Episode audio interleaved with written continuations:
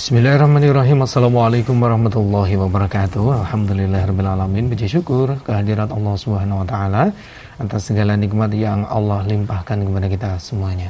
Terutama nikmat iman, nikmat Islam Sehingga di kesempatan pagi hari ini kita dapat kembali berjumpa dalam program Fajar Hidayah. Saya Ahmad Fauzan menemani Anda dan tentunya menghadirkan narasumber Ustadz Sri Sadono yang sudah hadir. Assalamualaikum warahmatullahi wabarakatuh Ustadz. Waalaikumsalam warahmatullahi ya. wabarakatuh. Apa kabar hari ini? Sehat Ustadz? Khair baik insya Allah. Alhamdulillah sehat, sehat selalu. Baik pemirsa mudah-mudahan juga Anda dalam keadaan sehat walafiat tidak kurang suatu apa pun. Dan mari kita awali kajian di pagi hari ini untuk mendengarkan tausiah dari Ustaz Risadono sebagai mukadimah di kesempatan pagi hari ini. Monggo silakan Ustaz. Baik. Bismillahirrahmanirrahim. Alhamdulillahi rabbil alamin. Wassalatu wassalamu ala syarafil anbiya wal mursalin wa ala alihi wa sahbihi ajmain. Amma ba'du. Saudara-saudaraku, kaum muslimin dan muslimat yang dimuliakan Allah Subhanahu wa taala. Juga pemirsa sekalian, pendengar sekalian di mana pun Anda berada yang berbahagia. Tetap mengingatkan untuk bersyukur kepada Allah Subhanahu wa taala atas nikmat karunia-Nya yang telah dilimpahkan kepada kita sekalian.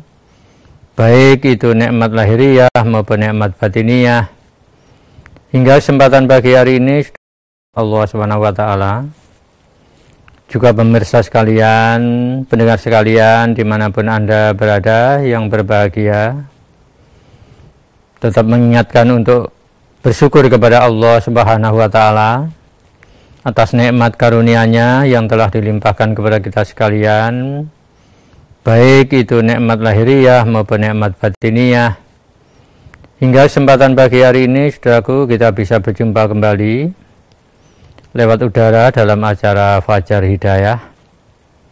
Untuk itu mudah-mudahan pertemuan kita ini senantiasa dirahmati oleh Allah Subhanahu wa taala.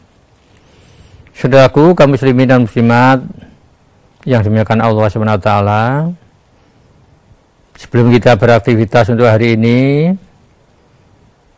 marilah kita awali pagi hari ini dengan bincang-bincang tentang dinullah.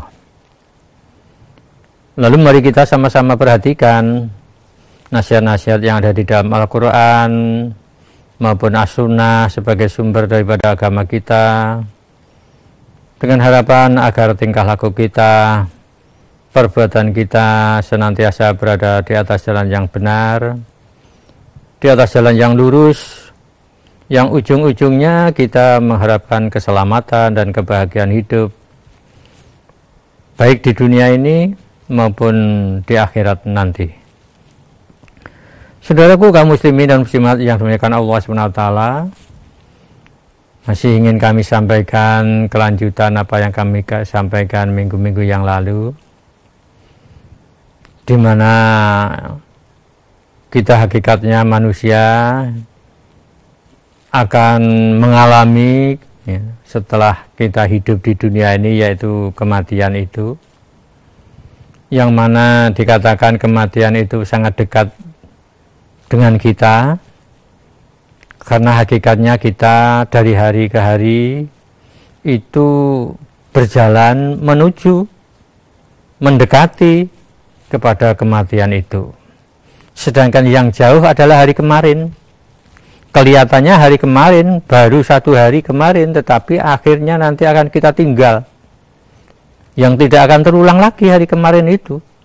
Terus kita tinggal sehingga semakin hari semakin hari itu semakin jauh semakin jauh. Lalu sebab itu saudaraku selagi kita masih dalam keadaan sehat masih dalam keadaan hidup itu sebagai orang muslim yang yakin akan adanya pertemuan nanti kita di akhir kiamat dengan Tuhan semesta alam ini maka apa yang perlu kita persiapkan itu nah di situ pentingnya kita ingat namanya zikrullah ingat akan kematian kita karena hakikatnya kita semuanya tidak ada yang luput daripada ini Ini merupakan satu kemestian bagi kita manusia ini hanya memang waktunya itu Allah SWT itu tidak memberitahu dulu kepada kita. Bisa datang secara mendadak selagi kita bersenang-senang, berkumpul dengan keluarga, itu bisa datang kematian itu. Lah ini yang penting perlu kita perhatikan itu. Nah kemudian saudara-saudaraku kaum muslimin dan muslimat yang dimuliakan Allah SWT hak-hak apa yang menjadi haknya orang yang sudah mati itu Nah di sini kami lanjutkan. Yang kemarin sudah kami sampaikan haknya orang meninggal itu ada empat hakikatnya. Empat saja haknya orang-orang yang meninggal itu. Dan empat ini sebagai haknya orang yang mati itu menjadi kewajiban bagi orang yang hidup. Yang hidup berkewajiban untuk menyampaikan empat hak bagi orang yang sudah mati itu. Yang pertama apa? Orang yang mati itu mempunyai hak untuk dimandikan. Yang kedua, lalu dikafani. Yang ketiga, nanti terus disolatkan namanya sholat jenazah itu nah yang keempat itu dikubur hanya itu empat hal itu empat hak ini yang harus kita tunaikan sebagai orang yang hidup. Ini. Maka oleh sebab itu saudara-saudaraku kaum muslimin dan muslimat Hakikatnya bagi kita sebagai umat Islam yang kadang-kadang Islamnya itu ya hanya pengakuan tanpa melaksanakan syariat ataupun ya orang-orang yang Islamnya baik itu semua adalah ketika meninggal itu melazimi sebagaimana tuntunan Islam ini. Yaitu empat hak. Dimandikan, dikafani, kemudian disolatkan, kemudian dikubur. Hanya kalau orang-orang yang non-muslim, kalau orang-orang itu walaupun mengaku sebagai orang Islam tetapi tidak pernah sholat, tidak pernah sholat lima kali sehari semalam itu, dia tidak mempunyai hak yang ketiga itu. Hak yang ketiga apa? Disolatkan. Tidak disolatkan kalau kalau orang yang non muslim jadi hanya tiga, ya dimandikan sama gitu, dengan orang Muslim yang lain, gitu. dikafani sama, gitu. kemudian yang tidak sama itu yang ketiga itu, yaitu tidak disolatkan. Nah kalau dikubur ya sama, dikubur. Haknya kalau orang-orang yang tidak Islam, orang-orang yang non Muslim itu hanya tiga itu kalau orang-orang muslim ada empat harus disolatkan lah ini mengacu kepada perintah Nabi kepada Ali yaitu Ali bin Abi Thalib ketika ayahnya itu wafat gitu. Ayahnya siapa ayahnya itu Abu Thalib Abu Thalib itu orang yang sangat berjasa melindungi gitu, membantu membela kepada Nabi tapi sampai wafatnya itu itu dia tidak mau mengucapkan kalimat syahadah itu tidak mau. Nah, artinya dia hidup di dalam kegelapan, dalam kekafiran. Maka Rasulullah ketika mendengar kalau bapaknya Ali itu meninggal, Ali dipanggil, disuruh merawat bapaknya yang meninggal tadi, artinya ya dimandikan, ya dikafani, hanya Nabi berpesan jangan kamu apa-apakan. Maksudnya jangan kamu sholatkan. Lalu dikubur. Lah setelah nanti selesai semuanya itu datanglah kepadaku kepada Nabi maksudnya. Nabi dawuh begitu. Akhirnya betul dilaksanakan oleh Nabi sehingga hanya tiga hak itu bagi orang yang non muslim. Walaupun itu ayahnya sendiri.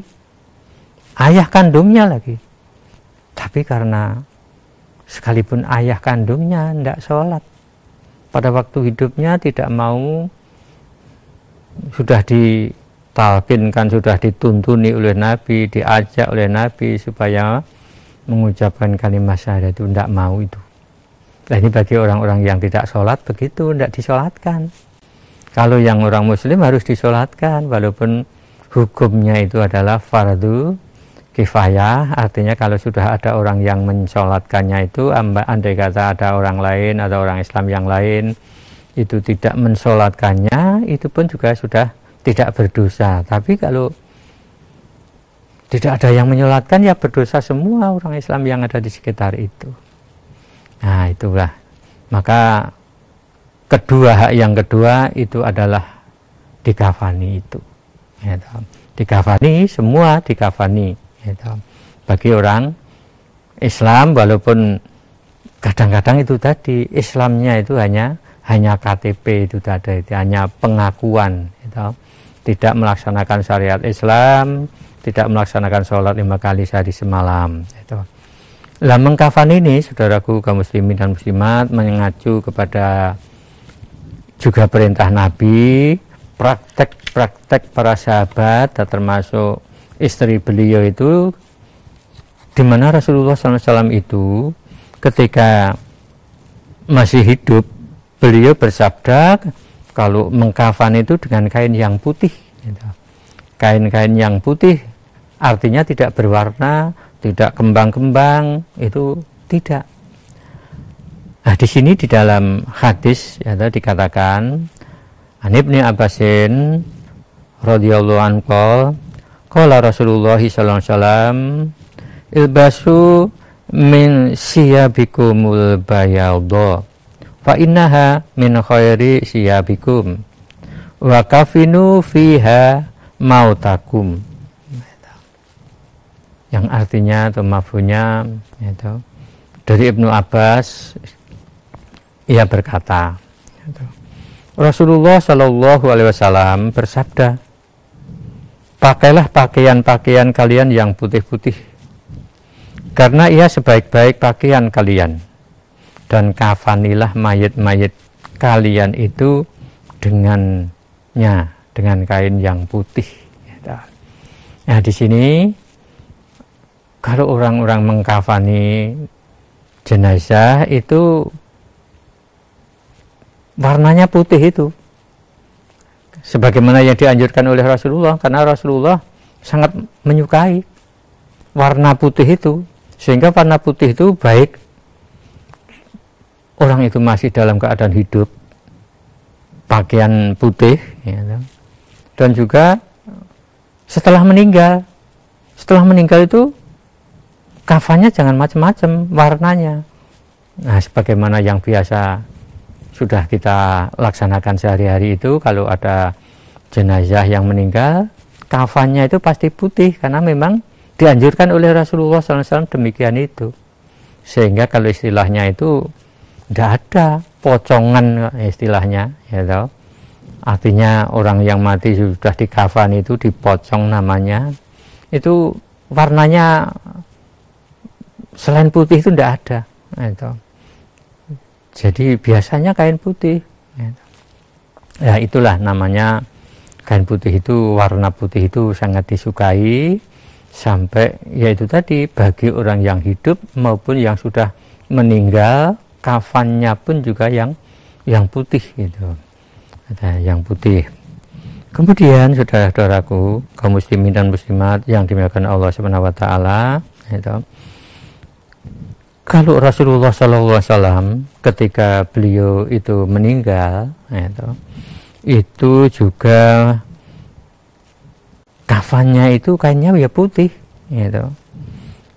Kalau Rasulullah dikafani dengan kain buatan zaman ya, buatan zaman tanpa gamis juga tanpa surban jadi ya sudah seperti biasa itu ada tiga lapis itu. Gitu. Ini berdasarkan hadis Nabi gitu, yang diriwayatkan juga oleh Bukhari ini. Gitu. An Aisyah radhiyallahu anha qalat Inna Rasulullah sallallahu alaihi wasallam kufina fi salasati aswabi yamaniyati bid'ai suhuliyatin min kusufi laisa fiha komisun wala imamatun. Dari Aisyah radhiyallahu anha ia berkata sesungguhnya Rasulullah Shallallahu alaihi wasallam dikafani dengan tiga lapis. Tiga lapis atau tiga lembar tiga lembar itu kain putih buatan dari negeri zaman. Artinya kainnya bagus kalau yang dipakai untuk kafannya Rasulullah SAW itu karena pada saat itu memang terkenal itu kain dari zaman atau buatan zaman yang mana dikatakan dalam hadis ini negeri zaman dari desa yang namanya Sahul. Nah, dari desa Sahul itu juga terkenal satu tempat, satu desa di mana pada saat itu di desa Saul itu itu memang pengrajin-pengrajin kain itu. Nah, hmm, pengrajin kain. Nah, di Rasulullah SAW itu dikafani dengan kain yang berasal dari daerah itu di zaman sana, di zaman bukan dari Mekah tapi di zaman di sana di sana ada satu ya perkam, keperkampungan atau yang mana penduduknya itu banyak yang berusaha di bidang pertenunan ya membuat kain-kain dan sebagainya itu sehingga terkenal ya, terkenal ya kemudian dikatakan selanjutnya kain kafan dari Nabi itu yang terbuat dari kapas ya, dari kapas tanpa baju gamis tanpa surban ya, nah, jadi hanya tiga lapis itu saja Rasulullah dikafani dengan kain dari buatan zaman tadi dari namanya kota atau desa Saul itu tadi di mana di dalam kota di zaman sana. Itu hanya tiga itu tidak pakai sorban itu tidak pakai gamis itu itu cara mengkafani bagi jenazah yang laki-laki itu semacam itu. Hanya tiga tidak pakai sorban tidak pakai gamis. Itu lah kalau ber, perempuan berbeda ya, berbeda. Tambah kalau jenazahnya itu wanita itu lima lapis. Yang mana pertama itu diberi kain bawahan ya, kain bawahan lalu diberi baju kurung gitu. baju kurung nah, kemudian dikawani seperti laki-laki itu. Jadi di dalamnya ada lapisan dua lembar gitu. kemudian yang lain sama dengan laki-laki ya tiga lembar itu. Sehingga kalau wanita itu ada lima ya ada lima lembar sebagaimana Rasulullah SAW itu, itu mengatakan itu, yang diriwayatkan hadis ini oleh Abu Dawud itu, Abu Dawud dikatakan yang mabunya dari Laila binti Kanif Asakofiyah ia berkata aku adalah termasuk di antara perempuan yang memandikan Ummul Qasum. Ummu Qasum itu putri Rasulullah SAW ketika wafatnya. Dan pertama-tama yang diberikan Rasulullah SAW kepada kami adalah kain bawah. Ya, jadi bawahan, nah itu kain bawah itu artinya yang bisa dipakai untuk yang pertama sampai ke pinggul itu atau sampai ke paha itu itu bisa menutupi di sana pertama itu. kemudian baju kurung baju kurung itu. lalu kudung kemudian selimut kemudian sesudah itu dimasukkan dalam kain kafan yang terakhir. Gitu. Nah pada waktu Rasulullah SAW duduk di pintu dengan membawa kafannya itu tadi, beliau memberikan kepada kami itu selembar demi selembar. Gitu. Ini kalau bagi wanita itu lebih banyak, gitu. pakai kain bawahan, gitu. pakai baju kurung, gitu. itu pakai selimut.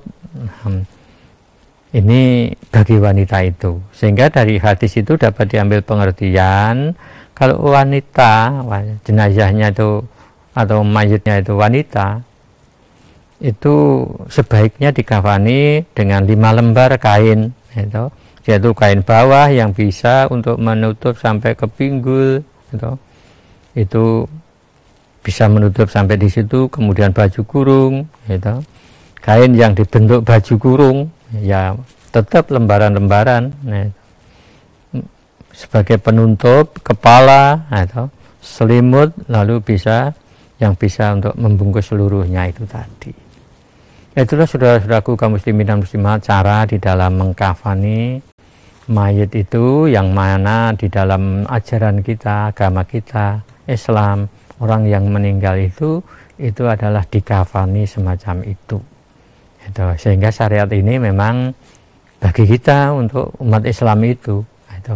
Ataupun juga orang yang mengikuti syariat Islam ada yang mengaku Islam tetapi ya itu tadi hanya KTP-nya saja itu tetapi tetap dirawat seperti syariat Islam itu nah kalau syariat-syariat yang lain wallahu alam nah, sehingga kalau kita sebagai umat Islam itu ya harus mencontoh bagaimana Rasulullah SAW dulu mensikapi adanya orang yang meninggal itu tadi ada empat hak kalau orang itu sholat, orang itu muslim. Ada tiga hak. Kalau orang itu hanya pengakuan yang semasa hidupnya itu lawala, tidak pernah sholat, tidak pernah siam atau puasa, itu kalau meninggal dia hanya mempunyai tiga hak. Yang satu gugur karena yang satu itu khusus kepada orang-orang muslim yang sholat dengan baik itu. itu. Kalau tidak sholat, walaupun pengakuannya muslim, itu tetap tidak disolatkan. Itu. Karena memang begitulah Allah Subhanahu Wa Taala di dalam mengatur hambanya mensikapi orang yang sudah meninggal itu memperlakukannya semacam itu. Jadi ada tiga hak saja bagi orang yang tidak sholat itu. itu. Kalau orang yang sholat itu ya empat empat hak bagi jenayah yang sudah meninggal itu. Lalu itu saudara-saudaraku kaum muslimin dan muslimat yang punya Allah Subhanahu taala hak yang selanjutnya nanti insya Allah bisa disambung dalam kesempatan yang lain karena masih ada itu tadi ada empat hak atau pertama dimandikan yang kedua dikafani yang ketiga disolatkan Nah, yang keempat baru dikubur itu. Yang sesudah itu sudah tidak ada yang lain-lain. Artinya ya hanya empat itu. Kalau sudah dikubur ya sudah selesai. Artinya haknya orang yang meninggal sudah diberikan semuanya kalau sudah dimasukkan ke dalam liang lahat itu. Ya demikianlah saudaraku. Mudah-mudahan ini jadi pengertian bagi kita semuanya sehingga agar supaya kita dan keluarga kita itu nantinya mendapatkan empat hak itu tadi marilah sholat sangat diperhatikan anak-anak cucu kita supaya digerejai supaya mengerjakan sholat dengan sebaik-baiknya itu begitu yang yeah. kami sampaikan Baik, terima kasih Ustaz dan awal sudah disampaikan. Pemirsa di mana pun Anda berada, kita jeda terlebih dahulu. Selepas pesan berikut kami akan hadir kembali. Terima kasih bagi Anda yang masih selalu setia bersama kami dalam program Fajar Hidayah. Mari kita lanjutkan di sesi yang kedua.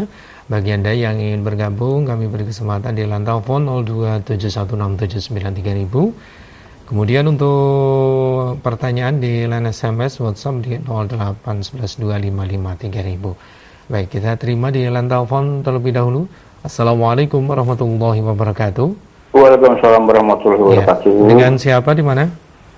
Dari Ari di Selogiri Cikarang. Ya, silakan Ari.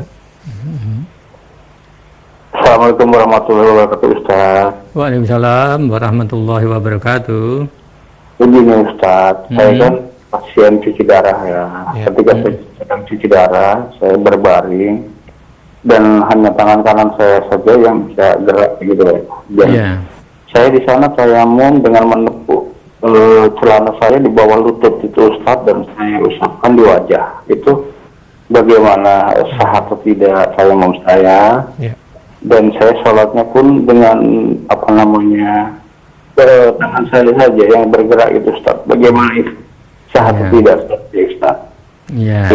Ya, terima kasih. Assalamualaikum warahmatullahi wabarakatuh. Waalaikumsalam. Waalaikumsalam warahmatullahi wabarakatuh. Iya, jadi kalau dalam keadaan darurat semacam itu memang itu di luar kewajaran kenormalan. Ah, Artinya Allah memberikan semacam rukshoh atau keringanan di mana Nabi juga mengatakan idza martukum bisa'in fatu minhu mastata'tum.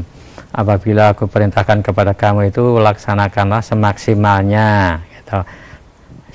Kalau dalam keadaan sakit semacam yang Bapak alami itu tadi, memang orang sakit itu dibolehkan untuk bertayamum, ya toh, bertayamum itu boleh wa in kuntum mardo au ala safarin au jaa akhadtu minkum minal ghaiti au lamastum nisa falam tajidu ma'an fatayamamu sa'idan thayyibah gitu.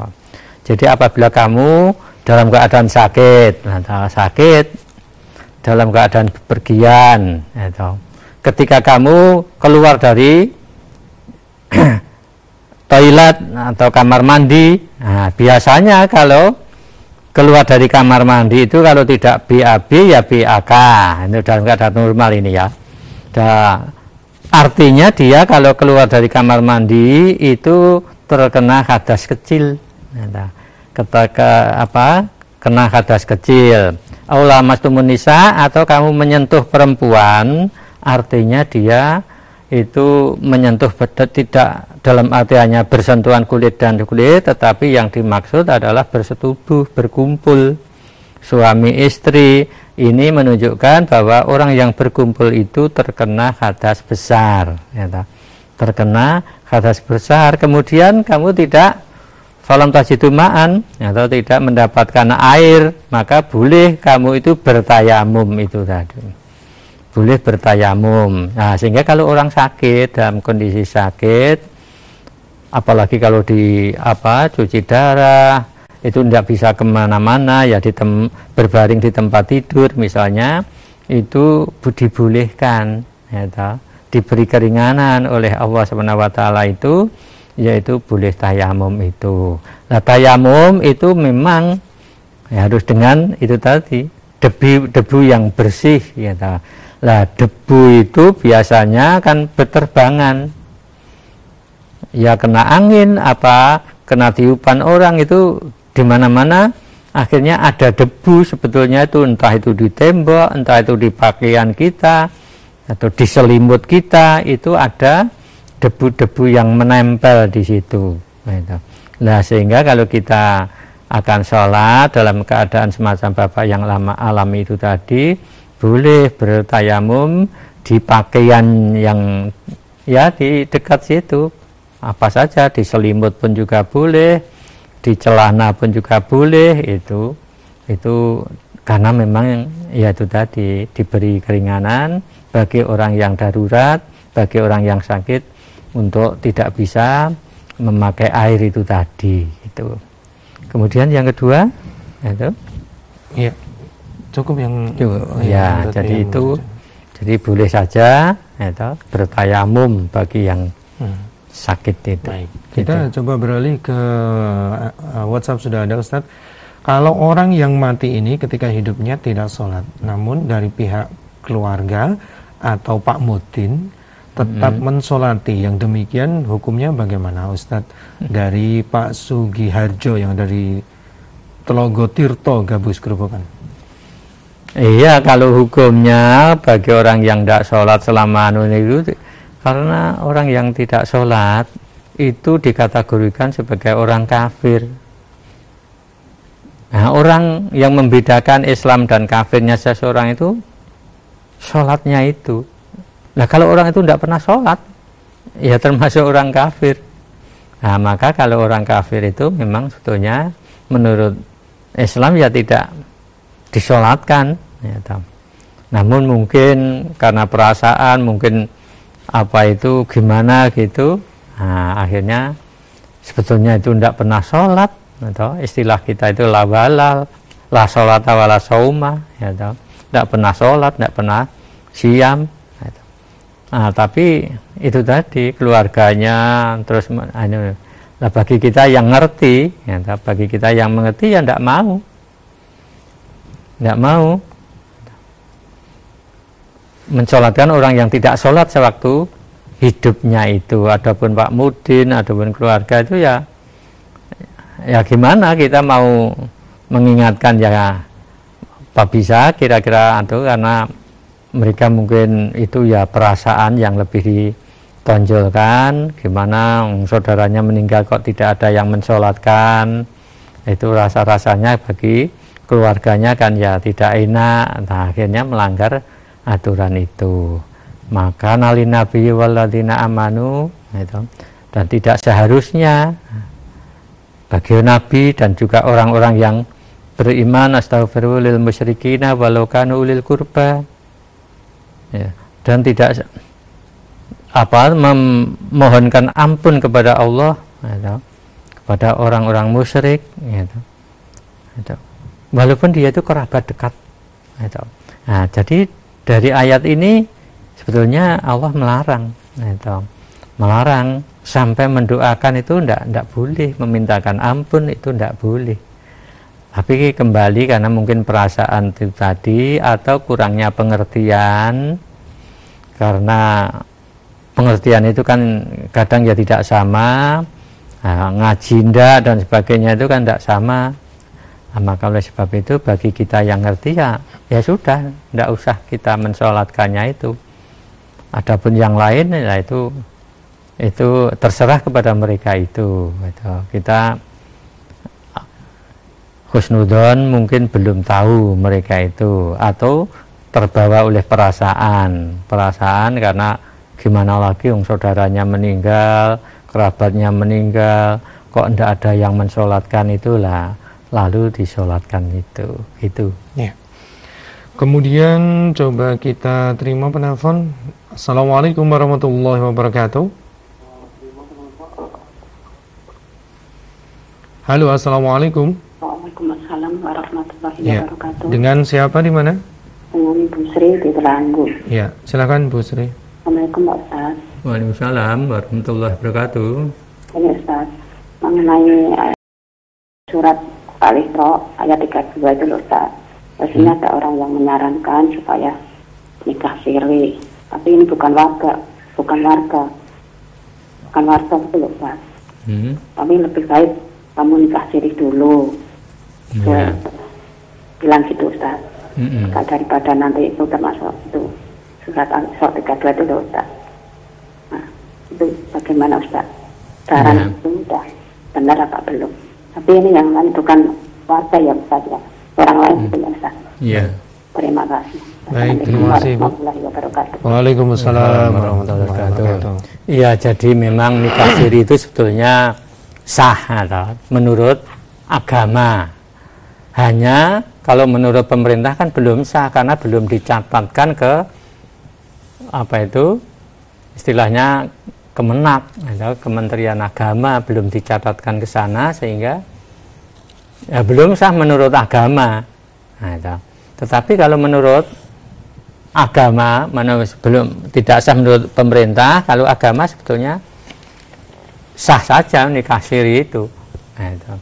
Kalau di zaman Nabi kan juga tidak ada artinya harus memakai buku nikah harus itu kan ya tidak ada ya dinikahkan begitu saja tetapi karena di negeri kita itu segala sesuatu itu harus legal harus ada apa itu kejelasannya nah, maka diatur gitu. sehingga kalau Pak Naib itu sering setelah menikahkan itu dinyatakan sah menurut agama sah juga menurut pemerintah itu kadang mesti begitu dikatakan kalau sudah dicatatkan di kalau istilahnya dulu itu KUA itu di Kementerian Agama itu gitu. nah ini prinsipnya pertama itu begitu nah kemudian timbul bermacam-macam masalah dengan adanya nikah siri itu di tengah-tengah masyarakat itu karena biasanya pengalaman-pengalaman yang timbul di tengah-tengah masyarakat itu kalau siri nikah siri itu banyak yang dirugikan itu wanitanya. Ya.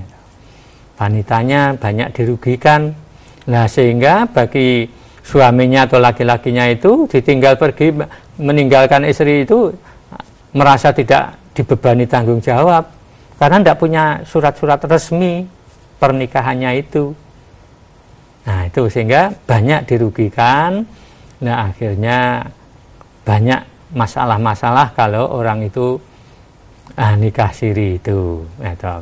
Nah nikah siri itu biasanya juga banyak dilakukan oleh orang-orang yang sebetulnya sudah beristri yang sah tapi dia mencari lagi istri karena takut kepada istri yang pertama, ya, sehingga dengan cara diam-diam atau sembunyi-sembunyi dia nikah siri dengan orang lain. Ya, itu akhirnya kan nanti juga kadang-kadang bisa timbul masalah dalam rumah tangga itu. Nah di situlah. Maka sering-sering timbul karena adanya nikah. Siri itu tadi terjadi nanti istri yang pertama atau istri tua itu wah datang ke istri mudanya tadi itu, dengan mengatakan yang tidak baik nah itu. Akhirnya kan tidak. Sebetulnya poligami itu ya boleh sebetulnya. Nikah dua itu atau beristri dua itu juga boleh sebetulnya tapi kadang timbul semacam itu apalagi kita sebagai orang Jawa itu sering-sering itu, itu masalah kalau punya istri dua namanya madi madu gitu. itu sensitif sekali gitu. bagi kita orang Jawa khususnya itu gitu. juga anak tiri itu biasanya ya sensitif sama orang di madu orang punya anak tiri itu itu mudah gitu. Dipermasalahkan itu gitu.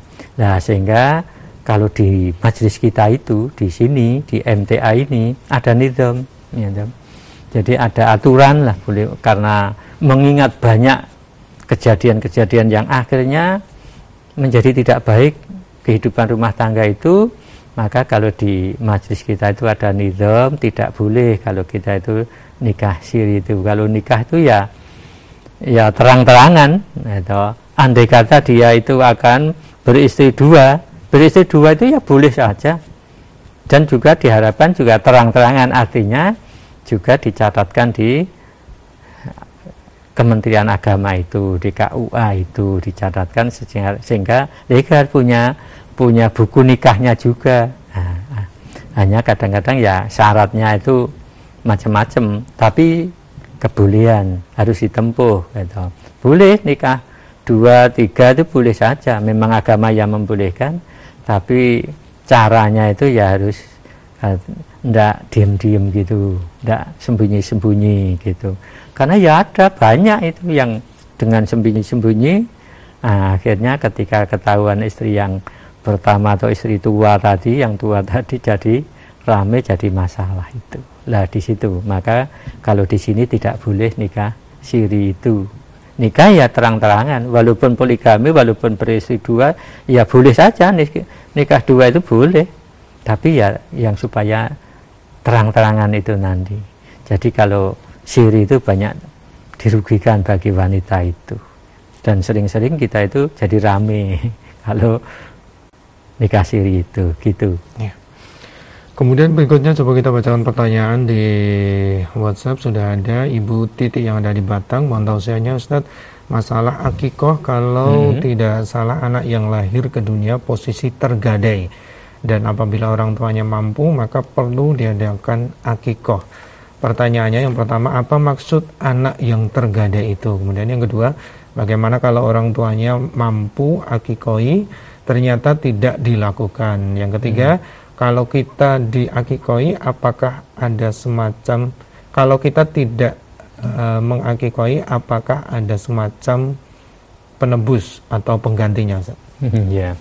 Jadi yang pertama, nah maksud dari tergade itu merupakan satu pendidikan bagi yang mampu, artinya orang tuanya mampu, itu mendidik agar supaya kalau punya anak itu disambut dengan suka gembira, dengan jalan menyembelih kambing, kalau laki-laki dua, kalau perempuan itu satu disembelih pada hari yang ketujuhnya yang namanya akikah itu tadi gitu.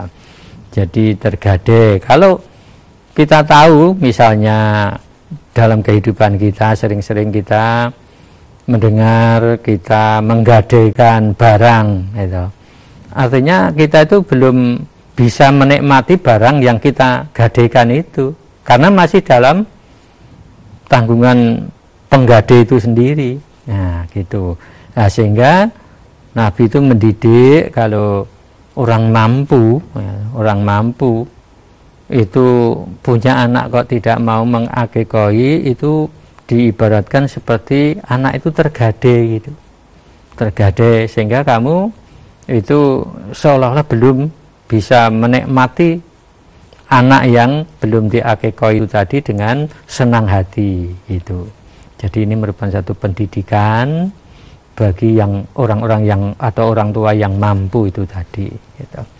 Kemudian yang kedua, kemudian yang kedua, bagaimana kalau orang tuanya mampu akikoi ternyata tidak dilakukan? Nah itu tadi dididik dengan cara itu tadi. Nabi mengatakan kalau anak belum diakikoi itu seolah-olah tergade itu tadi. Nah, namun kalau ada orang nah, sering-sering nah, terjadi sebetulnya dia itu mampu. Tapi karena tidak kenal dengan akeko sehingga kadang dia malah mengadakan atau apa perhilatan kalau istilah di sini itu sepasaran itu sepasaran itu mengundang tetangga-tetangga makan-makan di situ itu karena kelahiran di hari kelimanya sepasaran namanya sepasar itu lima hari gitu. Nah, akhirnya meninggalkan meninggalkan sebagai syariat Islam yaitu akikoh itu. Nah, nah ini kita akan ya kembali husnudon sangka baik mungkin dia itu karena belum mengerti ya, belum mengerti karena tidak pernah ngaji ya, sehingga tidak ngerti nah, akhirnya dia memilih itu tadi sepasaran daripada akikah itu tadi gitu. Nah, gimana sikap yang demikian orang tua itu ya sudah Allah alam gitu. terserah kepada Allah gitu. hisapnya kepada Allah selagi dia itu sebetulnya orang mampu gitu. orang mampu orang bisa mengadakan sepasaran kok sepasaran malah biayanya itu lebih besar daripada akikah gitu. nah itu itu terserah tuh kalau kita kembalikan pada apa itu nasihat Rasulullah tadi ya tergade kalau anak itu tidak di akekoi itu tadi itu. Nah kemudian yang ketiga apakah apa? ada penebus, penebus atau penggantinya? Ya jadi kalau akekah itu memang satu acara atau upacara menyambut kelahiran bayi di mana di dalam syariat agama kita itu bayi yang lahir itu disembelihkan kambing gitu. dan disembelih pada hari yang ketujuh sehingga waktunya itu ya hanya pada hari ketujuh itu saja selain hari yang ketujuh itu tidak ada gitu. tidak ada akikah yang disembelih selain dari hari yang yang ketujuh itu. Gitu. nah akhirnya kalau hari ketujuh itu sudah lewat artinya tidak menyembelih akikah ya sudah berarti dia ketinggalan tidak bisa beramal akikah. Itu apa ada untuk penebus yang lain? Kalau menebus artinya sebagai ganti akikah itu tidak ada. Nah, sudah kalau sudah ketinggalan ketinggalan pada hari ketujuh itu ya sudah lewat uh, sudah lewat. Berbeda kalau korban itu bisa nanti di tahun depan kita bisa korban lagi karena korban itu waktunya juga tertentu, ya, tidak se setiap hari, tidak setiap waktu tidak, tapi tertentu. Ya, Akikah juga begitu. Kalau sudah terlewat ya sudah, tidak akan tidak akan ada waktu yang lain, tidak ada gantinya, tidak ada kodonya itu tidak ada. Nah gitu. Jadi perlu diperhatikan kalau kita punya anak atau uh, apa itu punya bayi lahir itu diusahakan ini termasuk jenis ibadah nusuk namanya. Kita sudah dikenalkan inna sholati wa nusuki. Nah, nusuk ini ibadah yang bentuknya itu adalah sembelian. Sembelian yaitu tadi. Contohnya misalnya korban. Korban itu menyembelih kambing yang tujuannya untuk untuk ibadah termasuk akikoh ya, itu juga menyembelih kambing yang tujuannya untuk ibadah termasuk kalau dam kalau orang-orang haji itu. Ah itu namanya nusuk ya, Inna wa nusuki wa mahyaya wa mamati lillahi rabbil alamin. Itu yang sudah ayat ini familiar istilahnya itu artinya sudah terkenal agar supaya kita melaksanakan segala sesuatu itu baik sholatnya, ibadah nusuknya, aktivitas hidupnya sampai matinya itu hanya untuk mencari ridha Allah Tuhan semesta alam itu begitu ya. Baik saat kita hmm. sudah berada di akhir perjumpaan kita di kesempatan pagi hari ini sebagai penutupnya bisa disampaikan. Baik, saudaraku kaum muslimin dan muslimat yang dimuliakan Allah Subhanahu wa taala, memang hakikatnya hidup kita manusia ini itu melalui fase-fase, melalui tingkat-tingkat di mana pada awalnya kita itu hidup di alam arwah, hidup di alam kandungan. Sekarang ini kita hidup di dunia ini, kemudian nanti setelah di dunia ada lagi hidup lagi yaitu di alam barzah, yaitu dalam kubur istilahnya dan nanti akhirnya kita hidup yang sebenarnya yang hakiki kehidupan manusia itu nanti di alam akhirat.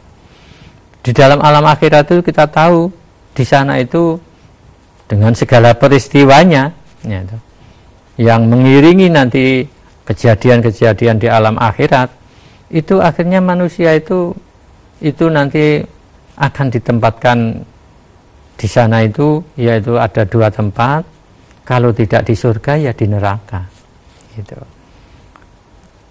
Nah surga dan neraka yang akan ditempati manusia itu itu tergantung kepada amal-amal kebaikan semasa hidup kita di dunia ini.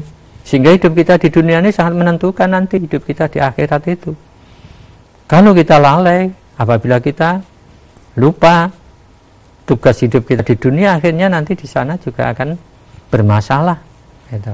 Nah, sehingga kita bersyukur kepada Allah SWT di mana Allah telah memberikan hidayah kepada kita, nikmat yang berupa iman Islam sehingga kita sebagai orang-orang yang hidup itu akan mengerti hakikat hidup kita itu sehingga kita akan berusaha agar supaya hidup kita itu betul-betul bermakna sehingga akhirnya tujuan kita hidup bahwa nanti agar supaya mendapatkan surganya Allah SWT itu bisa tercapai dengan sebaik-baiknya itu. Oleh sebab itu jangan sia-siakan kesempatan hidup kita itu yang mana itu tadi kita semakin hari itu semakin mendekati kematian.